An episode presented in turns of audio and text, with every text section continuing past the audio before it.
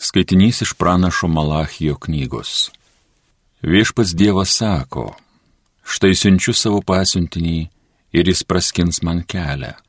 Ir greitai ateis į savo šventyklą valdovas, kurio jums reikia, sandoros pasiuntinys, kurio jūs trokštate.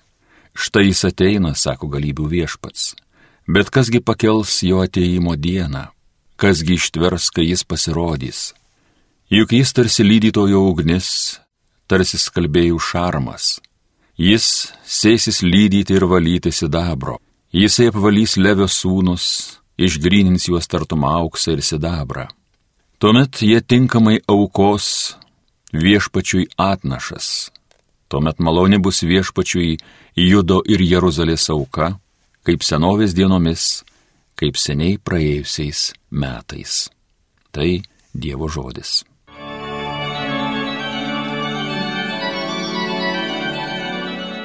Visatos galingasis viešpats yra garbingas valdovas. Atsikelkite vartai platieji, atsidarykit senovinės durys, garbės valdovas tegu čia įžengia. Visatos galingasis viešpats yra garbingas valdovas. Kas tas garbingas valdovas? Tai narsusis galingasis dievas, tai viešpats kautinių galiūnas. Visatos galingasis viešpats yra garbingas valdovas. Atsikelkite vartai platieji, atsidarykit senovinės durys, garbės valdovas, tegu čia įžengia. Visatos galingasis viešpats yra garbingas valdovas. Kas tas galingas valdovas? Tai visatos galingasis viešpats, tai jis garbingas valdovas. Visatos galingasis viešpats yra garbingas valdovas. Alleluja.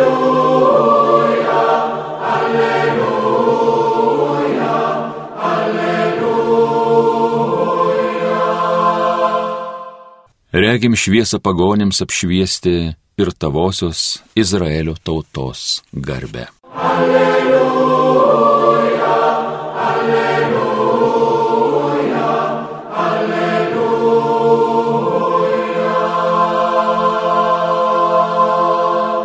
Iš Ventosios Evangelijos pagal Luką.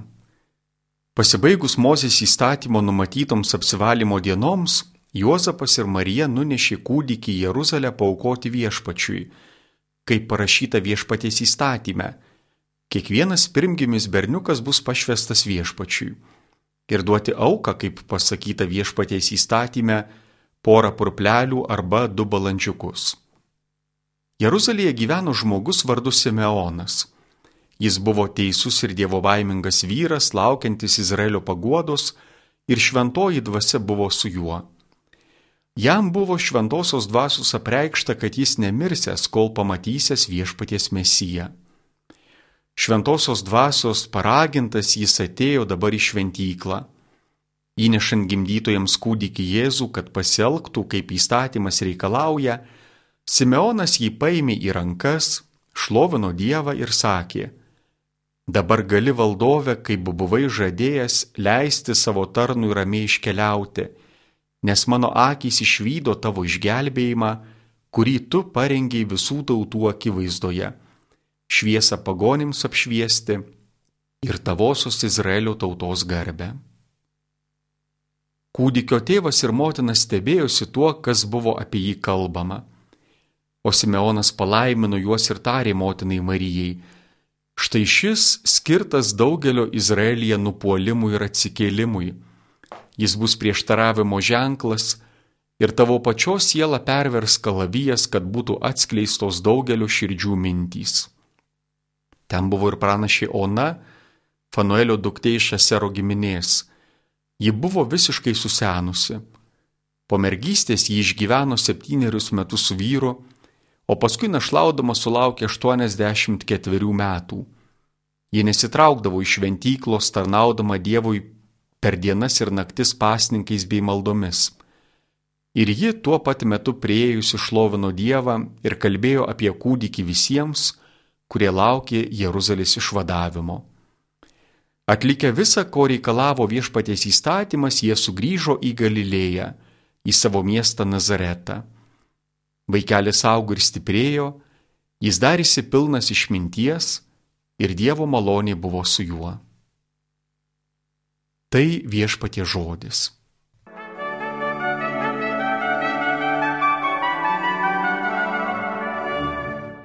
Gražiai Evangelija šiandien išnaudoja du senelius gerai naujienai paskelbti. Dievas savo planui pajungia ne tik jaunus, tvirtus, gražius ar protingus, bet taip pat ir paprastus senyvo amžiaus žmonės Dievui nėra netinkamo gyvenimo Evangelijai paskelbti. Simeonas ir Ona, nepaisant to, kad skaitomi šiandien grabnyčių dieną, jie iš tiesų nebuvo nieko ypatingi seneliai. Jie buvo be didesnių užmojų, jau nugyvenę savo dienas, sakytume, žmonės jau be ateities. O štai būtent jie ir regi ateitį. Jie atpažįsta kūdikyje karalių ir kūrėją. Jie nuolankiai priima atpirkėją ir tampa savo ir žmonijos ateities dalimi. Simeonas išvystė išganimą ir jau džiūgauja galintis ramiai iškeliauti. Tačiau ką iš tiesų jis matė? Ką iš tiesų šią dieną išvydo Simeonas ir Ona? Tai nebuvo koks nors reklaminis klipas, kuris pristato filmą, parodydamas jo santrauką. Simeonas ir Ona neregi dar Jėzaus šlovės ir pirmųjų krikščioniškųjų bendryjų, jie nemato ir galingos bažnyčios, kuriai taps pavaldus karaliai ir imperatoriai. Tai, ką savo akimis mato Simeonas ir Ona, tai yra tik kūdikis, tik bejėgis, negalintis ištarti nei žodžio vaikelis.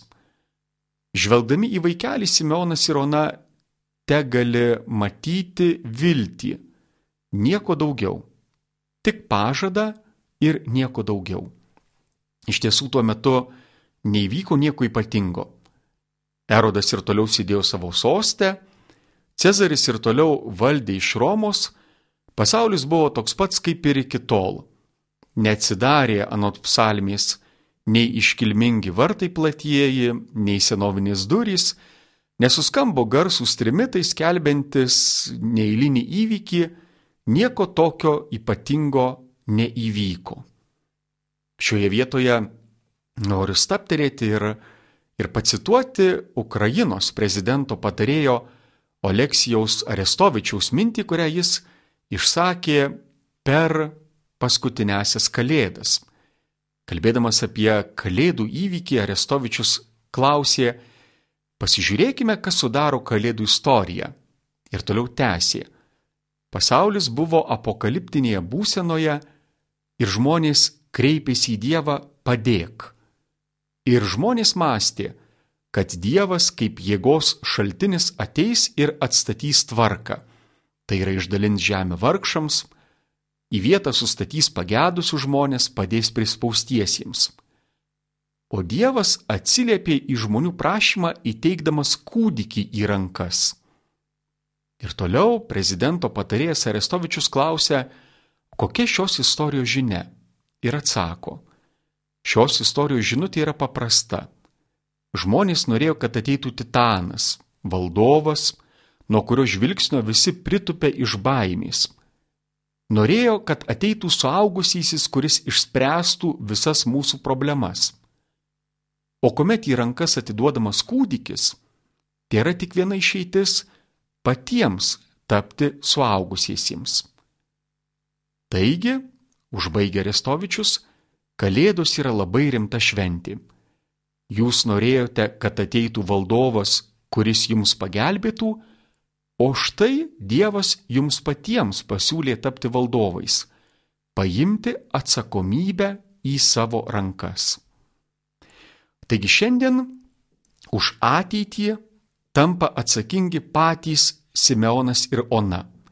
Atrodytų, kaip jau sakiau, niekas nepasikeičia, Erodas ar Cezaris ir toliau valdo, Pasaulis lieka toks pats iki tol, tačiau atsakomybė jau yra atiduota į Simeono ir Onos, į Juozapo ir Marijos, tai yra ir į mūsų rankas. Mes irgi savo rankose neturime nieko daugiau nei anie du senukai, nieko daugiau nei Simeonas ir Ona. Mes savo rankose turime sakramentus. Ir švesdami sakramentus, turėdami savo rankose Jėzų, mes tampame suaugusiaisiais ir mes patys mėginame tik tai užčiuopti anapusinę tikrovę, kuri vis dar lieka mums iki galo neatskleista. Lieka vien tik tai viltis, lieka vien tik tai pažadas. Švesdami mišių auką ir kitus sakramentus mes pamažu prisiliečiame prie pažadėtosios ateities. Mes regime Kristaus kūną, tačiau dar nežinome, kokia bus Dievo pilnatvė. Dar nepatiriame tos dangaus pilnatvės. Ir mums to šiandienai tikrai turėtų pakakti. Turėtų pakakti tuo, kad šiandien Dievas yra atiduotas, pats atsiduoda į mūsų rankas mes patys turime imtis atsakomybės už savo ir už kito žmogaus gyvenimą. Patys turime imtis atsakomybės, kad vadovaujame to mažo kūdikio, mes jau dabar regėtume viltį, kad jau dabar ne tik mišiuose, ne tik komunijoje Jėzų atpažintume, bet kad ir kitame žmoguje regėtume Dievo sūnų ar dukrą. Taip pat kaip ir mes mylimą, vertingą, orų ir unikalų, šalia mūsų gyvenantį dangaus karalystės karalių. Turbūt nelabai bus sunku Jėzų žvelgti kitame žmoguje, kuris yra mūsų minties, mūsų amžiaus žmogus, daug sunkiau bus Jėzų žvelgti savo artimiausiuose žmonėse - savo žmonoje ir vyre, savo vaikuose ar tėvuose, savo drauguose, sunku bus Jėzų žvelgti elgetoje, girtame žmoguje, kalinyje ar ligonyje, tačiau visa į mūsų rankas atiduota. Mes dabar esame tie suaugusieji, kurie Jėzų kituose turime atpažinti, jį užauginti, jį išauklėti ir kitame paskui užauginti dangaus karalių.